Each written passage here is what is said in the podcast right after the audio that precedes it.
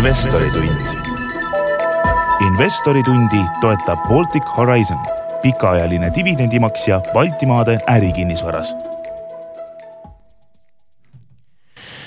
hea Geeniuse podcastide kuulaja, eetris on järjekordne investori tund ning tänase saate teema on Tallinna börs. kuidas kodubörsil läheb, kas ja millal jõuavad keerulised ajad siia ning äh, milleks peaksid nii, nii siin noteeritud ettevõtted, aga ka investorid lähiajal valmis olema, et seda arutame täna Tallinna börsi juhi Kaarel Otsaga, tere Kaarel! tere! ja saadet juhib Geeniuse investeerimisportaali vastutav toimetaja Indrek Mäe aga Kaarel, et alustame sellest, et äh, eelmisel nädalal sai teil äh, või ületasite nii-öelda märgilise teetähise, et sada tuhat investorit äh, Tallinna börsil, et igaühel neist on vähemalt üks väärtpaber kontol, et vähemalt tänastes oludes tundub aukartust äratav number? noh, ta on ilus ümmargune number muidugi, aga eks me oleme liikunud ju sinna tasapisi, et, et see ei ole kuidagi täna hüppega sinna, sinna jõudnud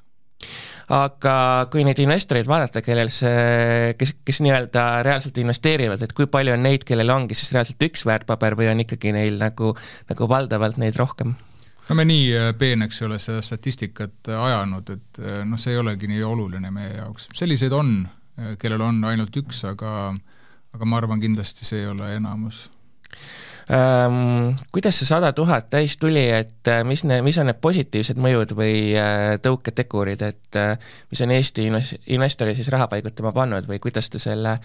selle saavutasite mm.? noh, hea, hea meelega annaks mingi väga lihtsa vastuse, aga noh, nagu sa ilmselt aru saad, et seda lihtsat vastust pole lihtsalt, et see on mitme või tegelikult päris paljude tegurite koosmõju Äh, ühelt poolt äh, noh, vaata, milline on olnud äh, viimased aastad üldine selline investeerimissentiment või, või meeleolu, et pigem eufooriline. Siis vaatame, kuidas on Eestis selline finantskirjaoskus arenenud, et sinna on ju tehtud tegelikult pikki-pikki aastaid paljude huvigruppide poolt tõsist tööd noh, tahaks äh, loota, et äh, me ise oleme ka midagi teinud selleks, et, äh, et toonud uusi ettevõtteid, kellesse oleks raha paigutada. no mis veel, ähm, sisuliselt saab tasuta investeerida, vähemalt kahe panga, panga kliendid, et kui sa paned kõik need kokku, noh lo, loomulikult ma arvan, et äh, et kui ma alustasin äh, börsijuhina, mis ta saab nüüd juba kuus aastat tagasi, et, et ma ei oleks arvanud, et äh, tuleb kuue aastaga sada tuhat täis. et noh, siis oli ta kuskil äh, kakskümmend, kakskümmend tuhat pluss, kakskümmend kaks või kakskümmend kolm, ma täpselt ei mäleta. et sinna on andnud hoogu iga IPO, mis meil on olnud, mis on olnud nähtav, selline suur IPO rohkem, väike IPO vähem aga nende, need võib-olla on need peamised äh, tegurid ähm,. Kui palju mõjutas äh, investeerimishuvi äh, pensionireform ja nii-öelda pensioni investeerimiskontode teke, et et kui palju sealt, sealt raha on Tallinna börsiettevõtetesse nii-öelda tagasi jõudnud? ma ei oska seda täpselt öelda, et seda on keeruline välja võtta, aga noh, nii palju, kui me oleme pankadega rääkinud, et see piirdub mõne tuhandega, et pigem natukene rohkem kui paar tuhat ja see, see rahanumber on ka pigem selline noh, heal juhul on paarkümmend miljonit. et noh, kui sa mõtled, kui palju raha välja võeti eh, pensionisüsteemist, täpselt seda numbrit ei teagi, mis ta praegu on, et kas poolteist miljardit või, et noh, see on ikkagi eh, noh, näpuotsaga, mis jõudis, aga siiski noh, mingi, mingi osa jõudis ja, ja võib-olla noh, ütleme need, kes teevad nüüd neid esimesi samme, et võib-olla need ei ole, ma loodan, väga ära ehmunud ka praegusest pigem sellisest mustast pealkirjast, et äh, on rahulikud äh, kui te juba ehmatust mainisite, et siis äh, tundub, et Tallinna börs tegelikult elab äh, vähemalt praeguseni suhteliselt hästi seda kõike üle, et et kui vaadata USA börsiindekseid, siis need on oluliselt rohkem kukkunud, et kas kas nii-öelda must masendus pole Tallinnasse veel jõudnud või või ei olegi objektiivseid põhjuseid, miks see peaks siia jõudma? noh, seda ma olen ka päris äh, päris mitu korda või sellele tähelepanu juhtinud, et et Tallinna börsiindeksisse ei ole võimalik raha panustada. seda esiteks. küll on võimalik äh, panustada SB viiesaja ja NASDAQ saja ja igasugustesse teistesse indeksitesse. nüüd, kui me vaatame, et millest indeks koosneb, siis SB viissada indeksist on äh, viis ettevõtet, on veerand. Need on need suured tehnoloogiaettevõtted. Pane nüüd siia juurde Warren Buffetti firma Berkshire Hathaways, me jõuame peaaegu kolmandikuni. ehk sul on sisuliselt kolmandik moodustab käputäis ettevõtteid. ehk et mis juhtub nende ettevõtetega, väga paljuski mõjutab selle indeksi käekäiku. täpselt sama on NASDAQ sajaga, needsamad suured äh, viis tehnoloogiaettevõtet moodustavad NASDAQ sajast, viimati ma vaatasin, oli nelikümmend viis protsenti, ehk et veidi äh, vähem kui pool. Nüüd, kui sa oled sinna NASDAQ sajasse investeerinud, siis täpselt nii, nagu käituvad sul Amazon ja Facebook ja nii edasi, need ettevõtted, samamoodi käitub see indeks, kuna see kaal on väga suur. nüüd, kui me vaatame Tallinna börsi, loomulikult arvutatakse indeksit, aga noh, ma lihtsalt tuletaksin meelde, et, et mismoodi eelmine aasta lõppes. et eelmisel aastal Tallinna börs oli oma tootlus, see tootlus on siis nüüd indeksi tootlus, kui sa oleksid investeerinud sinna indeksisse, oli maailma edetabelis teisel kohal. see oli peaaegu viiskümmend protsenti tootlust nelikümmend kaheksa koma midagi, esimene oli Abu Dhabi. ja siis seal esi, esiotsas olid veel mõned äh, Põhjamaade äh, börsid. ehk et nelikümmend, no ligemale nelikümmend üheksa protsenti tootlust. et siit nüüd, kui me mõtleme mingisuguse kukkumise, kümme, kaksteist, mis ta praegu on, siis tegelikult noh, see ei ole märkimisväärne. aga nagu ma ennem rääkisin, et tuleks vaadata, millest indeks koosneb, täpselt sama kehtib Tallinna börsi puhul. et vaadake, mis toimub nende ettevõtetega, kes on kõige suuremat kaalu omavad. ja kõige suuremat kaalu omavad ettevõtted on need, kes on kõige suuremad. selle järgi koosnebki indeks. ja meil on need äh, kõige suuremad kaks tükki, LHV ja Enefit Green. Ja sealt noh, võiks nüüd saada aimu, et, et kas nendel ettevõtetel on läinud väga halvasti või ei ole ja seda noh, investeerides samuti noh, tasuks alati meeles pidada, et et kui lehest loetakse, et indeks kukub nii ja nii palju, et kas see tegelikult omab sinu investeeringutele üldse mingit mõju või see näitab pigem sellist mingit üldist meeleolu? mina arvan, et see noh, meie puhul näitab pigem seda üldist meeleolu. LHV ja Enefit Greeni puhul äh, tundub jaa, et, äh, et noh, on selge, miks see nii-öelda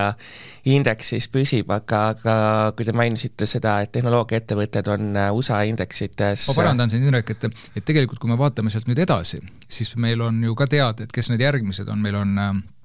Tallinna Kaubamaja, Tallinna Sadam, noh, Tallink ka, et, et et meil on see, see jaotus on väga-väga selline mitmekesine, aga seal ei ole ühtegi sellist tehnoloogiaettevõtet. et täna on ju see noh, selline paanika käib pigem tehnoloogiaettevõtete ümber, et seal, sealt peaks seda ehk siis kas otsima. Äh, maailm korrastub selle koha pealt ümber, et äh, võib-olla mõni aasta läheb mööda ja enam ka USA indeksites ei ole tehnoloogiaettevõtted enam äh, kõige suuremad, et tagantpoolt jõutakse järgi ja tipust võetakse alla? Ma ei oska öelda, et ma arvan, et see pole üldse oluline, millest see indeks koosneb, et loomulikult on mingisugused muutused äh, Äh, kogu aeg käimas, et praegu on ta olnud äh, tohutult tehnoloogia poole kaldu, kuna see on väga skaleeritav, eks, sellises globaalses äh, või globaliseeruvas maailmas, et ma arvan küll jah, et, et maailm ei ole nii globaliseerunud praegu, kui ta oli veel paar aastat tagasi või kas või aasta tagasi ja ma arvan, ta ei ole nii globaliseerunud ka võib-olla aasta-kahe pärast, et et selgelt mingi selline regionaalne mõõde tuleb sisse ja noh, nüüd peakski siis uurima, et, et kas äh, kas on paanikaks põhjust, et, et noh, väga üritatakse jällegi seda, seda olukorda hästi lihtsalt seletada. et nüüd on raha kallimaks läinud, et järelikult tehnoloogiaettevõtted odavat raha ei saa. noh, tasuks nagu mõelda, et, et kas äh, et mis siis nüüd juhtub, kui Alphabet äh, ei saa nüüd siis äh, ma ei tea, negatiivse intressiga raha. no ma niimoodi väga-väga lihtsustan, et, et negatiivse intressiga keegi äh, neist raha ei saagi, aga aga pigem see on, noh, näitab seda trendi, eks, et, et raha on olnud odav ja siis see raha otsib kogu aeg sellist noh, aina riskantsemat kohta, kus saaks tootlust teenida, et, et see on iseloomustanud tegelikult seda, seda investeerimismaastikku päris mitu-mitu aastat et kogu aeg otsitakse seda aina riskantsemat, noh, et siin aasta alguses investor Toomas küsis oma mm, siis publikult, et et kuhu raha investeeriti ja siis olid pandud sinna juurde siis oodatavad tootlused ja kümme kuni kakskümmend protsenti, see oli mõõdukas tootlus no praegu ma arvan, igaüks plaksutaks käsi, et kui äh, teeniks kümme kuni kakskümmend protsenti äh, praegusel turul tootlust, et äh, jällegi, tasuks vaadata, et milliste ettevõtetega on tegu. ma arvan, see aeg võib küll jah, ma ei ütle, et kas ta on möödas, aga ta hakkab muutuma, kus sul ainult loo peale, ainult kena loo peale noh, pillutakse sisuliselt miljoneid dollareid ettevõttesse, et äkki hakatakse küsima äh, ka mingisugust numbrilist tausta, aga nüüd mõtleme, et, et kas seal on midagi nagu eriskummalist, et ma arvan, see on see, mis äh, on inimesi uinutanud päris pikalt, aga ma arvan, et äh, selles tehnoloogiasektoris, millest me nüüd oleme siin pikalt juba rääkinud, on väga palju selliseid ettevõtjaid, kes ei ole hädas äh, kasumi teenimisega ja kellel ei ole probleeme raha kaasamisega. et praegu ma arvan, sõidame niisuguses inertsis. kas üks äh, asi, mille siit kaasa võiks võtta, on see, et investeerige ettevõtetesse, mis teenivad kasumit? jällegi, pole minu öelda, et äh, noh, samas miks peaks teenima? et kui, kui sa ostad, eks ole, ettevõtte lugu, äh, seal sinna, selles loo või selle narratiivi üks osa on see, et see ettevõte jõuab kasumisse, ma ei tea, aastal X, sina usud seda lugu, noh miks mitte et äh, ma tuletan meelde, et ega noh, praegused äh, suured hiiud, eks äh, Microsoft ja Amazon, kes tõsi, jõudsid kasumisse suhteliselt kiiresti, nad ei olnud algusest peale kasumlikud. lihtsalt ma tahan öelda, et, et see, see ütleme, see tasakaal narratiivi ja numbrite vahel viimastel aastatel läks väga-väga kaldu narratiivi poole et kõik, kes äh, on investeerinud kuskile idudesse, ma arvan, äh, saavad sellest väga hästi aru. ja see, äh, millest praegu räägitakse, ma arvan, see mõjutabki kõige rohkem seda. ehk et hakatakse küsima rohkem numbrite kohta ja see on minu meelest väga tervislik tegelikult kogu, kogu turule üks asi, mis siit veel kõlama jäi, on ka see, et jah, Tallinna börs ongi sektorite lõikes äh, hajutatum, et äh,, et siit nii-öelda äh, Äh, edasi vaadates, et äh, kui nii-öelda majanduses toimuvat laiemalt vaadata, et äh, kuidas siis seda üleüldse mõtestada, et kuidas me oleme tänasesse olukorda üleüldse jõudnud, et on see meeletu rahatrüki tulemus, on see Ukraina sõda, on see midagi muud? jällegi, et äh, siin on igasugu arvajad äh, üritavad seda väga lihtsalt seletada, et, et ma arvan, et see on noh, äärmiselt kompleksne probleem täna ja komplekssele pro-, probleemile ei ole ühte lahendust. nii on, nii olen mina aru saanud, et äh, hakkaks kuskilt arutama, et äh, noh, eriti viimase kahe, no kui mõtleme kaks tuhat kakskümmend, kakskümmend üks, rahatrükk on olnud äh,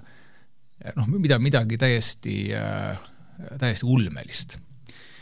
noh, igaüks võib seda, seda guugeldada, et trükkige sisse näiteks äh, ECB balance sheet või Fed balance sheet ja vaadake, millise hüppe nad on teinud nüüd viimasel kahel aastal. ja mõelge, mis siis juhtus kahel aastal, juhtus see, et äh, noh, valitsused sisuliselt ju keerasid majandused kinni noh, tagantjärele me võime targutada, noh täna meil on olemas juba aruanded, äh, uuringud, eks, et et sellega sellele Covidile piiri ei pandud. et sisuliselt tekitati probleem, seda probleemi äh,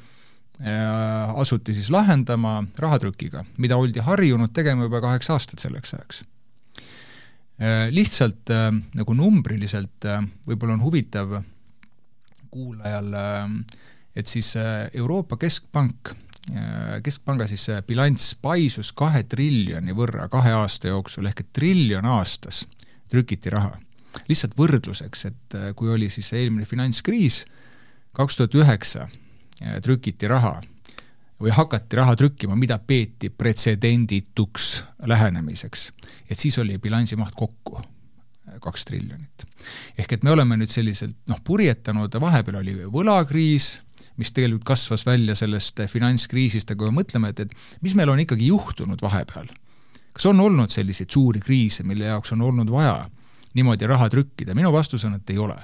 et sealt tasuks nagu otsida seda. ja nüüd, kui me eh, noh, mitte ütleme hästi palju, aga ma olen märganud, et et aetakse inflatsiooni ka, et, et see on see sõja hind. et äh, jah, kindlasti on mingid äh, tarneprobleemid sealt nüüd veel süvenenud, aga see kõik oli olemas juba palju varem. kõik võid, võivad kontrollida, et millised olid energiahinnad, mida tegid energiahinnad ammu enne sõda juba. Kõik see äh, sellised loosungid, et, et Euroopa peab saama esimeseks kliimaneutraalseks maailma jaoks maailmas. et Eesti peab olema rohepöörde eestvedaja. et ähm, mis seal olid veel, et äh, need Eesti poliitikud on öelnud, et äh, see kõrged, kõrged, kõrged äh, sellised veteranpoliitikud, et äh, et rohepööret ei tehta majanduse arvelt, aga samas äh, keskklass peab tegema või no püksirihma pingutama ja nii edasi ja nii edasi. et kõik see ju kokku tegelikult äh, oli väga hea pinnas, hea jutumärkides siis äh, sellise noh, e-, energia hinna ikkagi noh, kosmiliseks kasvuks, mis juhtus ju tegelikult kuid ja kuid enne, enne sõda. et noh, mis olid olemas samuti, tarneraskused, tarneahela probleemid mitu aastat juba, jällegi paljuski enda tekitatud. Endale jalga lastud ja siis, ja nüüd on lihtsalt keeruline seda rahaga, rahaga lappida ehk siis äh, sisuliselt äh, raha trükkides ka siin äh, Äh, suletuse ajal lihtsalt öeldi inimestele, et istuge kodus, me maksame teile kõik kinni, samal ajal lisandväärtust ei loodud ja inimestele jäeti äh, pehmelt öeldes rääkimata, et et paari aasta pärast võetakse see siis kas äh, kõrgema inflatsiooniga, mis sisuliselt ju on maks, või kõrgemate intressimääradega lihtsalt tagasi, et maksate lihtsalt hiljem selle ikkagi ise kinni no jaa, aga ma lihtsalt äh, tahaks ikkagi ajas tagasi minna, et, et see, mis juhtus viimasel kahel aastal, see oli metsik noh, ma mõtlen seda rahatrükki ja noh, noh, mõtlevad inimesed tegelikult said ju aru, et äh, see, see, see ei ole tasuta raha. Et isegi Eestis on tehtud arvutusi, et, et kui me peaksime selle igaüks nüüd kinni maksma, et, et mis see maksab. aga varasemalt oli samuti. see oli, noh, mina väidan, et äh, see oli saavutanud juba sellise taseme, kus äh, noh, keegi ei uskunud enam, et seda ongi võimalik normaalsel viisil tagasi maksta. noh, ajalugu õpetab, ma arvan, arvan väga palju, et et noh, vaatame Ameerika Ühendriike näiteks, et Ameerika Ühendriikides oli äh, oli siis võla SKT suhe umbes sada protsenti peale teist maailmasõda. ja siis, mis juhtus, oli see, et äh, Ameerika majandus kasvas mühinal. ja siis inflatsioon oli veidi kõrgem, kui olid intressitasemed. ja selle kombinatsiooniga nad vähendasid oma seda võla SKT suhet kahekümne aastaga, kui ma õigesti mäletan, kas nelikümmend protsenti ehk et väga-väga kiiresti tuli see võlatase alla, aga inflatsioon oli selline, mis väidetavalt, ma ise ei tea, aga ma olen lugenud selle kohta, väidetavalt inimest, nii-öelda tavakodanikku ei seganud. majandus kasvas, inflatsioon oli veidi kõrge, see aitas laene tagasi maksta. kui me praegu vaatame nüüd viimased kümme aastat, et kas majandus on kasvanud mühinal üldse kuskile, et pigem on kogu aeg trükitud raha, no nüüd nimetame seda siis selliste jooksvate kulude katteks. ja mm, ja inflatsiooni pole suutnud tekitada, sa ütlesid väga õigesti, et inflatsioon on maks, inf-, see on, see on selline maks, mille maksavad kinni lihtsad kodanikud, sellepärast et, et riigid on elanud üle oma võimete. ja täpselt seda me, me praegu näeme, lihtsalt äh, see inflatsioon on midagi, midagi hoopis teistsugust, kui äh, algselt äh, plaaniti selle rahatrükiga tegelikult saavutada. plaaniti ju saada kaheprotsendilist inflatsiooni, Eestis on täna ta kakskümmend protsenti, kümme korda kõrgem. ehk siis varem jäi justkui see mm, raha kusagile süsteemi kinni, et ei jõudnud vist lõpptarbimisse või et siis ei saavutatud kahte protsenti, siis kui helikopterilt külvama hakati, siis oli nagu tulemus käes? jaa, no tegelikult ta ei jäänud kinni süsteemi, et äh, kui sa mõtled äh, Äh, indeksite peale, no võtame sellesama SB viissada indeksi või Nasdaq sada, et indeksid ju paisusid nagu pärmi peal. huvitav, miks? sellepärast, et äh, sellest on ka palju räägitud, et äh, või noh, räägitud sellisest terminist nagu inflatsioon varahindades et sinna ta läks. ma ei oska öelda, et kui palju nüüd oli näiteks sellises neljakümneprotsendilises aasta tootluses inflatsiooni, aga, aga selge on see, et seal oli, täpselt sama kinnisvarahindadega et see inflatsioon oli kohal, ta lihtsalt ei jõudnud tarbija hindadesse, millega on harjutud siis elu, elukallidust äh, äh, mõõtma. et nüüd on ta seal ka siis lõpuks. mis äh,, mis selle hind on, et kogu see jama ära likvideerida? kas, kas me näeme lähiaastatel samamoodi mitmekohalisi börsiindeksite langused, kõik see võetakse tagasi või, või kas seda jama üldse on võimalik veel likvideerida või peaks usaldus olema keskpankade suhtes kadumas? vot seda ma küll ei oska öelda, et ma, ma ei ole või ei pea ennast mingisuguseks eksperdiks selles, selles valdkonnas, et et mis mind teeb päris kurvaks tegelikult, on see, et noh, kui me mõtleme Eesti peale, et meil noh, kui me mõtleme, et mismoodi aasta algas, aasta algas sellega, et energiahinnad olid tohutult üleval siis ühe sama erakonna ministrid noh, vaidlesid, et üks ütles, et meil on vaja taastuvenergia võimsusi kiiresti tekitada, teine ütles, et taastuvenergias kiireid lahendusi pole ja nii edasi ja nii edasi, keegi teatas siis veel, et, et ongi hea, et, et kõrge hind paneb tegutsema vot sealt ma tahakski kinni nüüd hakata, et, et kas meil oli tõesti vaja oodata kümme aastat selleks, et tajuda nüüd, et, et hind läks käest ära. et meil on olnud äh, null või negatiivsed intressid väga pikka aega. Meil on Euroopa kõige madalam äh, võlatase, mis on takistanud meil tegemast neid investeeringuid, mis meil praegu takistab rääkimast nendest sellest, ma ei ole kuulnud praktiliselt mitte midagi sellest. Et see on see, mis on, on nagu nukker selle juures. et täna ma lugesin Financial Timesi, äh, von der Leyen, Ursula von der Leyen ütles, et äh, noh, et, et ärge nüüd minge hoogu, äh, et ikkagi peaks, peaks investeerima siis taastuvenergeetika lahendustest, ta pidas silmas, ärge minge hoogu, et hakatakse uuesti avama neid kivisöe elektrijaamu ja siis vedelkütusega lahendama neid probleeme, et äh, toad külmaks jääks. noh, nüüd mõtleme, et, et mismoodi Saksamaa siis ise käitus, et Saksamaa sulges oma tuuma, äh, tuumaenergiajaamad, äh, asus siis rääkima taastuvenergiast, täna avab siis oma neid söe, söeenergia jaamu ja viibutab näppu, et see on, kõik on Venemaa süü. et minu meelest see on selline äh, noh, enda tegemata töö ja väga paljude riikide puhul niimoodi. ja nüüd on küsimus, et et kuidas seda lahendatakse, et, et kui me näeme, et, et meil ei ole võimalik äh, Venemaa gaasi sellisel kujul enam tarbida või me ei taha seda teha, aga mis siis alternatiiv on? et kas me oleme nõus nüüd, et et, siis inimesed nüüd maksavad edasi seda, et senist laiutamist nad maksavad juba praeguse inflatsiooniga kinni, et kui palju siis on võimalik nüüd tavaliselt inimeselt nüüd neid nahku koorida. Et, äh, et siis hiljaks jäänud investeeringuid hakata nüüd tegema või siis äh, sellest tulenevalt nüüd hakata ostma kuskilt äh, noh, märkimisväärselt kõrgema hinnaga mingit, mingit energiat, et see, ma, näen seda tulevikku küll võrdlemisi noh, ma ei taha öelda mustades toonides, aga, aga võrdlemisi segasena ühesõnaga, senikaua kuni rahvas aru ei saa ja sellist poliitikat valib, senikaua saab, saab ajada sedasama juttu, et kõik on Venemaa süü ja nii edasi. jah, lihtsalt ma arvan, et noh, praeguseks, praegu on suvi, energia on juba ikka või ütleme, elekter on praegu väga kallis. see võib-olla ei, ei paista niimoodi silma arve pealt, aga ma arvan, et need selginemised tulevad sügisel ja talvel. jah, et äh, kui nüüd äh, mõelda taaskord äh, Tallinna börsi peale, et äh, et kui, kui ka Eestis kakskümmend protsenti inflatsioon, et kas Eesti investoril, eestlastel tegelikult veel raha kontodel peaks olema, aga kas kas eestlane julgeb täna investeerida või kuidas, kuidas teie, teie tunnetus on, et kas julgetakse sellesama teadmisega, et energiahinnad hakkavad kallinema,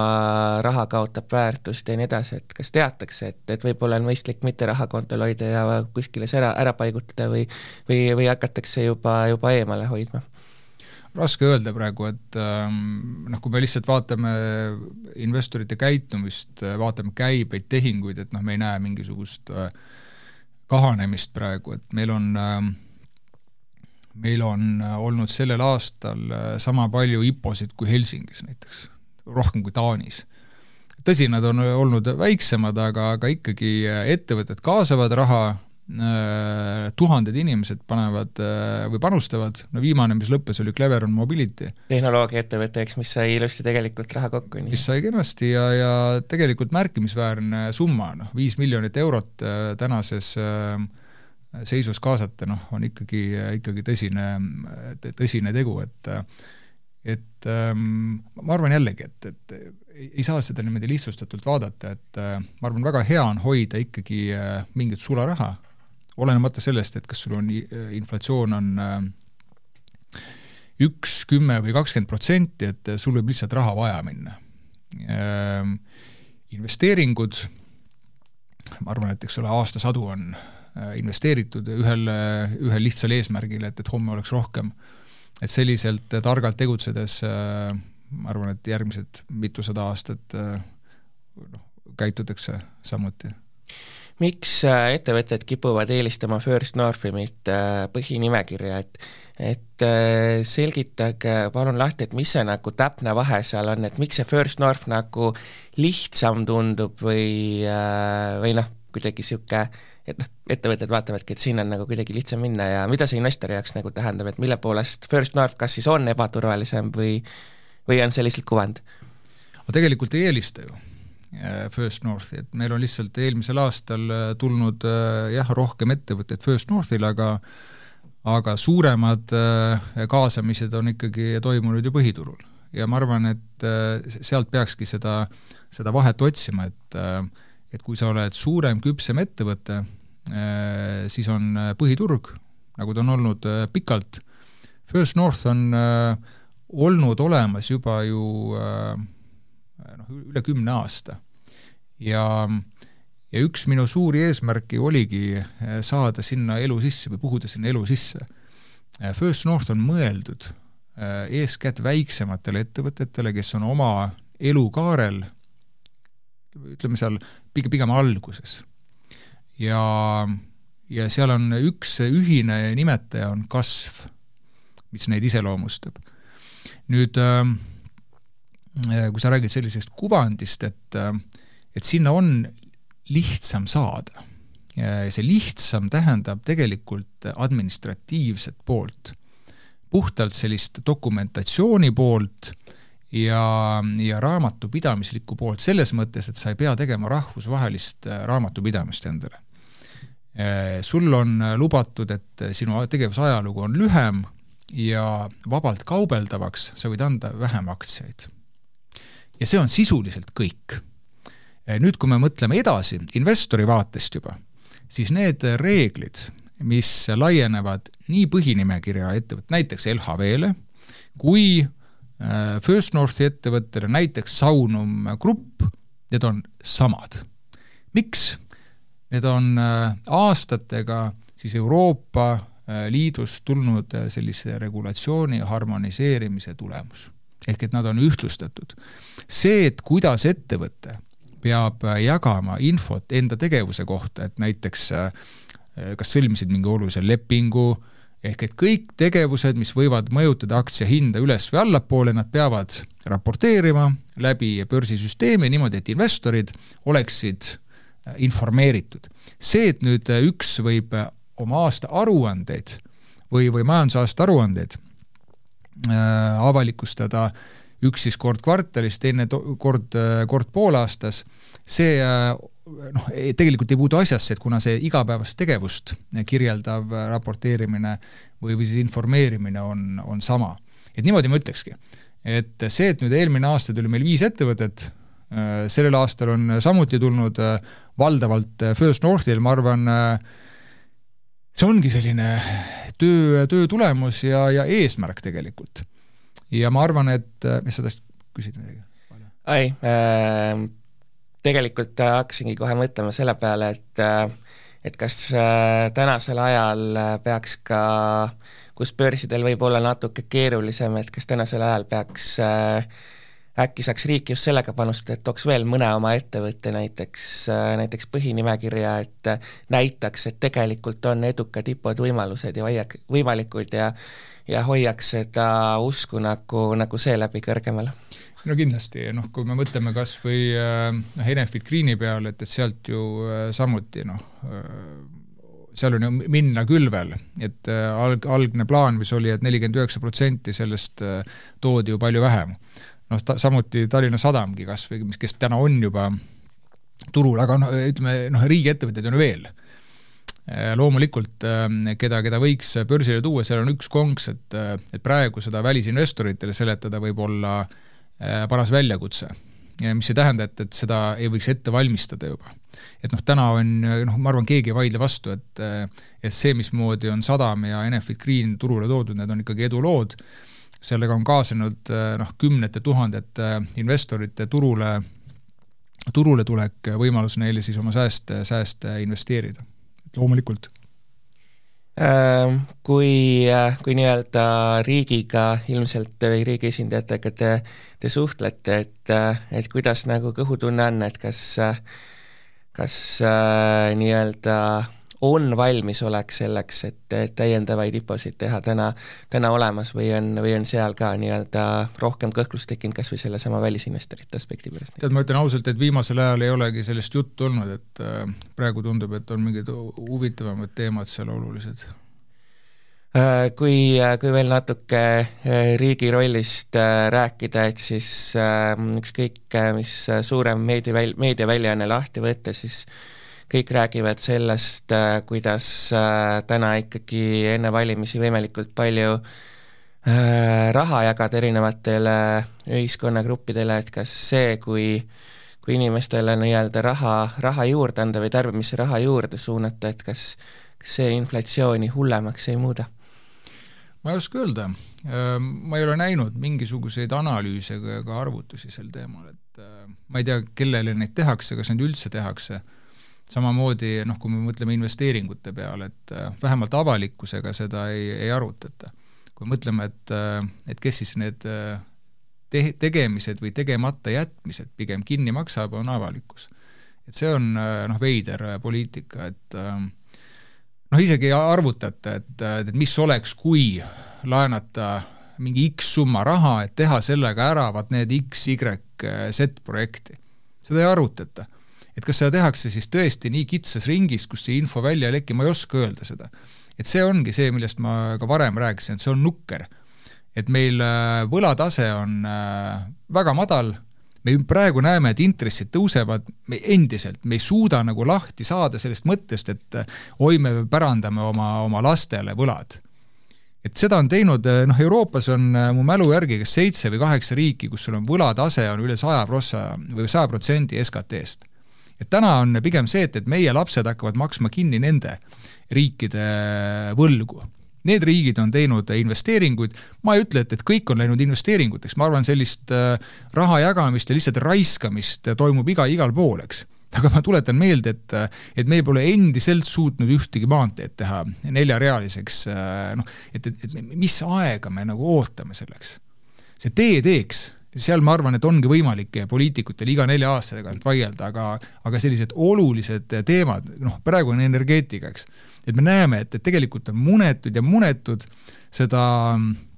seda soodsat keskkonda ei ole suudetud ära kasutada. ja kui nüüd mingi poliitik, noh,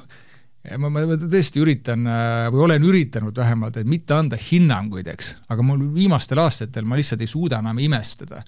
et äh, noh, räägitakse, et aga, aga see inflatsioon ju hüüdis tulles. aga miks siis on niimoodi, et äh, neid investeeringuid ei ole riikide poolt tehtud või riigi poolt tehtud? miks on niimoodi, et kui inflatsioon hüüdis tulles, miks just oli, minu meelest isegi presidendi kantselei ütles, et meil on raske mm, neid äh, küttearveid maksta, miks on haiglad hädas, et kus see, kus see teadmine nagu siis oli, et tagantjärele on, on muidugi hea targutada. näiteks praegu, kas praegu arutatakse, et, et kas peaks tegema mingisuguseid rahapaigutusi et see, et äh, käib selline äh, vorsti kauplemine, eks, see on igal, igal pool, ma arvan, ja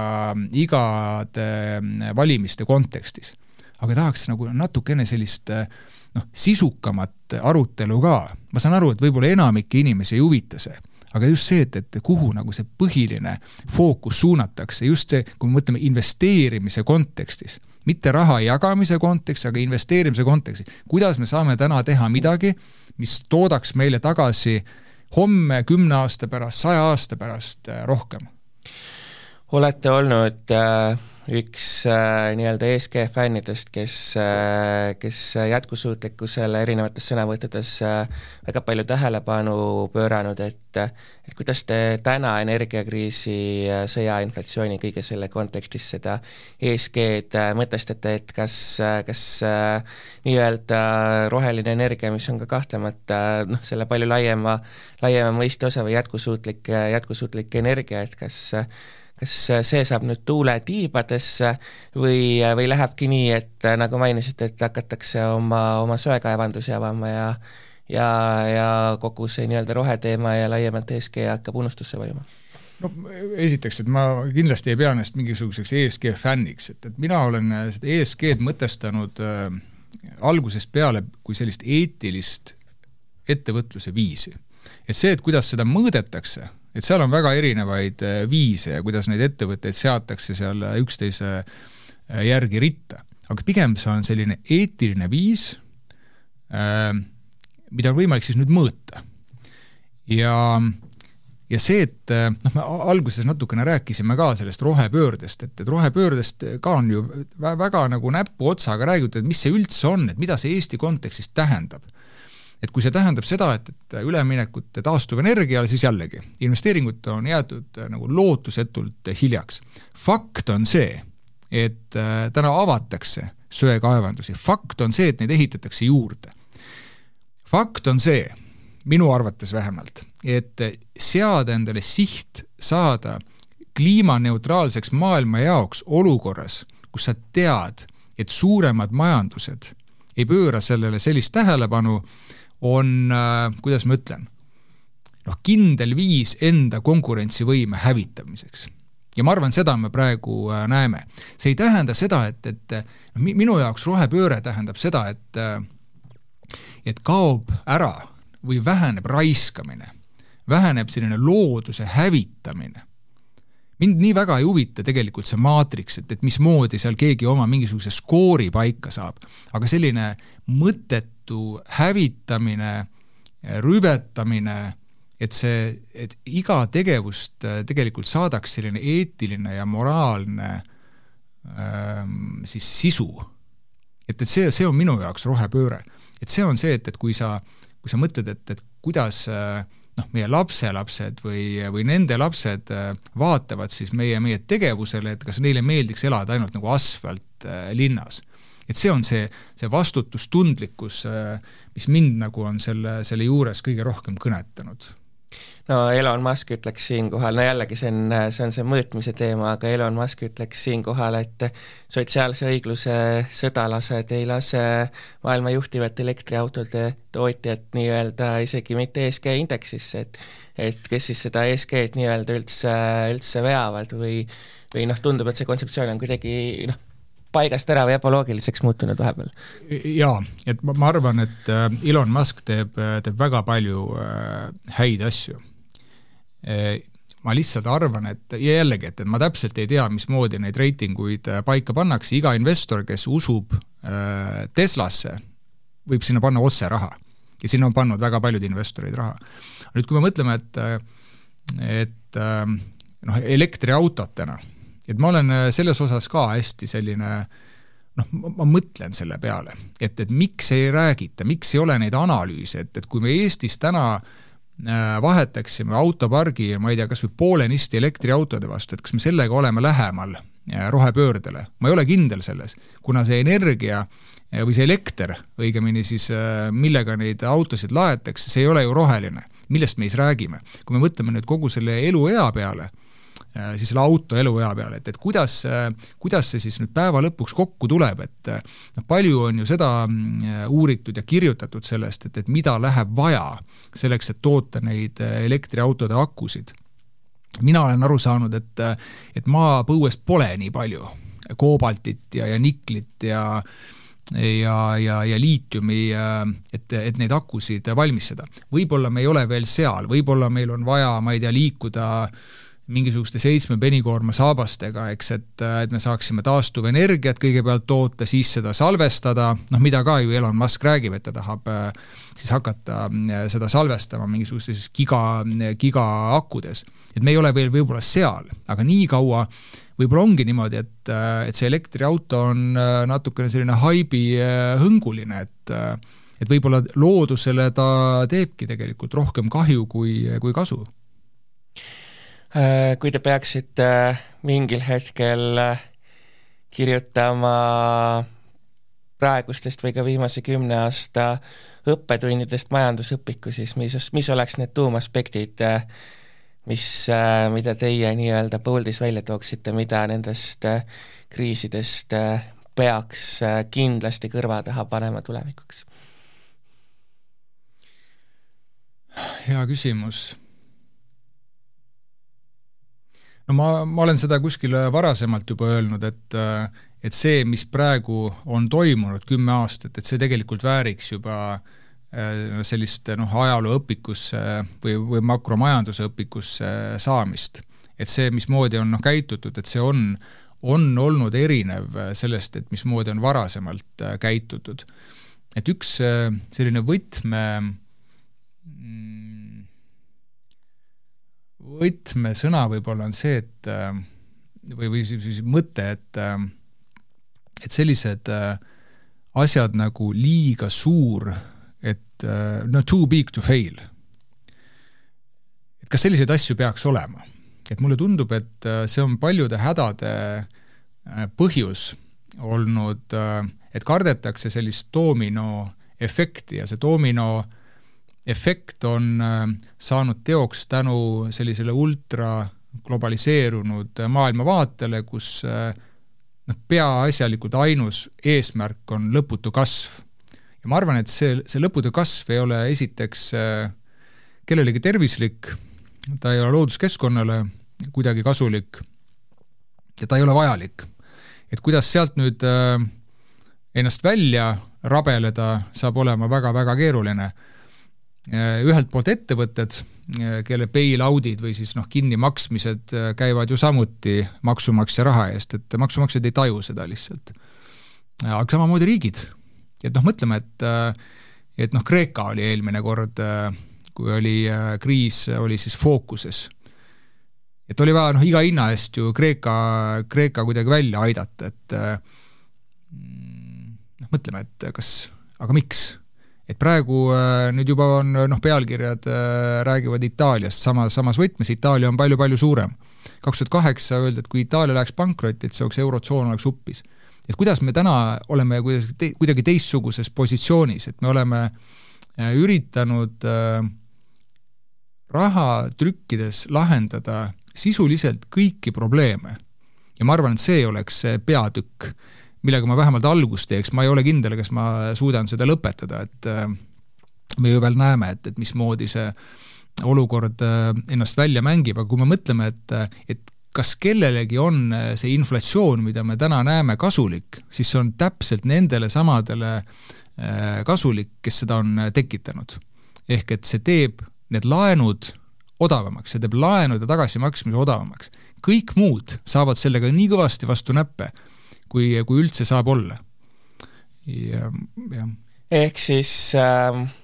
sisuliselt äh, normaalses turumajanduses ka rahal on äh, hind, kui see raha hind täna peaks tõusma, ükskõik kui palju siis vajalik on selleks, et inflatsiooni ohjeldada, et siis üks asi, mille võiks nagu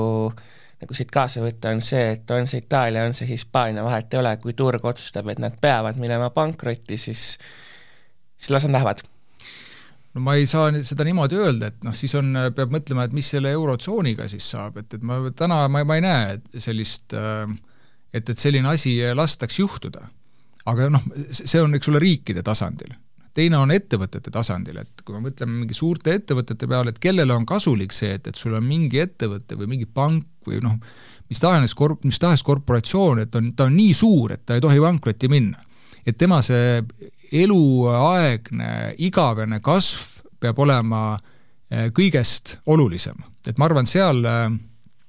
noh, vaadates tagasi, et mulle, mulle tundub, et, et sealt oleks eh, olnud võimalik ka teistpidi või teistmoodi käitudes võib-olla vältida noh, mingisugust sellist mulli teket, et praegu noh, tõesti tundub, et noh, öeldakse ju, et inimene harjub kõigega, et, et praegu ollakse harjunud sellega, et, et äh, intressid on null äh,, ettevõtted saavadki igavesti kasvada kakskümmend, kolmkümmend protsenti iga aasta, ma arvan, see ei ole jätkusuutlik. ja viimaks äh, lähi, meie maailmamajanduse lähitulevik, et äh, kas äh, varsti käib mingisugune enneolematu pauk äh, või, või suudetakse ka kokku see nii-öelda tänane kõrge inflatsioonimäär ja sellega kaasnev kuidagi rahulikult kas ära lahendada või vähemalt vaiba alla pühkida? Noh, miljoni või triljoni dollari küsimus, ma arvan, et seal ei ole jällegi nagu mitmele küsimusele sellist lihtsat vastust. mulle tundub, et äh, kui me mõtleme Euroopa kontekstis, siis äh,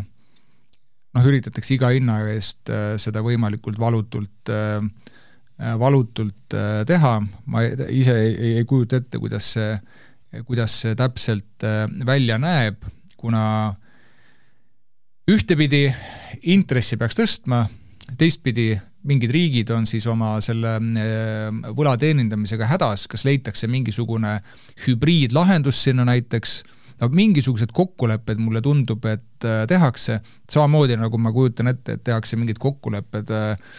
siis, kui peab hakkama mõõtma, et kas me oleme liikunud sinna net zero'le või, või, või kliimaneutraalsuseni lähemale, et, et mulle tundub, et need arengud, mida me praegu näeme, need küll ei luba meil neid seatud eesmärke kuidagi noh, kaks tuhat kolmkümmend või, või ka viiskümmend äh, ette kujutada endale. Aga mida ma olen mõelnud, et, äh, et vaadates sellist nagu globaalse pilguga, et äh, et noh, nii palju on muutunud, et võib-olla, võib-olla üks viis, kuidas, mis oleks selline suurem raputus, oleks mingisuguse täiesti uue valuuta teke Äh, mis oleks siis äh, noh, ma ei tea, tagatud millegagi aga, mingis osas. aga mingisugused detsentraliseeritud valuutad? noh, mis seal, mis seal vahet on tegelikult, et niikaua, kui ta on millegagi tagatud, noh see millegiga, ma mõtlen midagi sellist sädelevat, et nagu, nagu kunagi on olnud, et noh, ma olen jälginud lihtsalt, et kuidas mingid riigid on endale kokku kuhjanud kulda ja noh, sellest on ka kirjutatud äh, päris palju, et äh, sul ei pea ju olema nagu üks-ühele ta kullaga tagatud, aga et võib-olla see kuidagi aitaks sellist usaldusväärsust äh, suurendada, aga noh, samas vaadates äh, igasuguseid selliseid noh, otseseid ja kaudseid äh, pingeid äh,, sõjalisi ma mõtlen, nii kaubandus kui, kui noh, päris sõdasid, siis ma hästi sellist nagu globaalse valuuta äh, Äh, teket hetkel ei, ei kujuta endale ette, aga, aga võib-olla see aitaks kuidagi äh, noh, ma ei ütle, et mingit reset'i teha, aga aga kuidagi seda olukorda, olukorda lahendada, et noh, üks variant, vaata nende äh, elektrooniliste või digitaalsete valuutadega on see, et, et me läheme õhtul magama, hommikul ärkame üles, et meil on seal kontol on midagi ära, ära muudetud, et ma loodan, et seda, seda ei, seda me ei näe. Selge, aga suur-suur aitäh, Tallinna börsi juht äh, äh, Kaarel Ots äh, täna selle intervjuu eest ning loodame siis, et äkki tulevikus näeme uut tagatud valuutat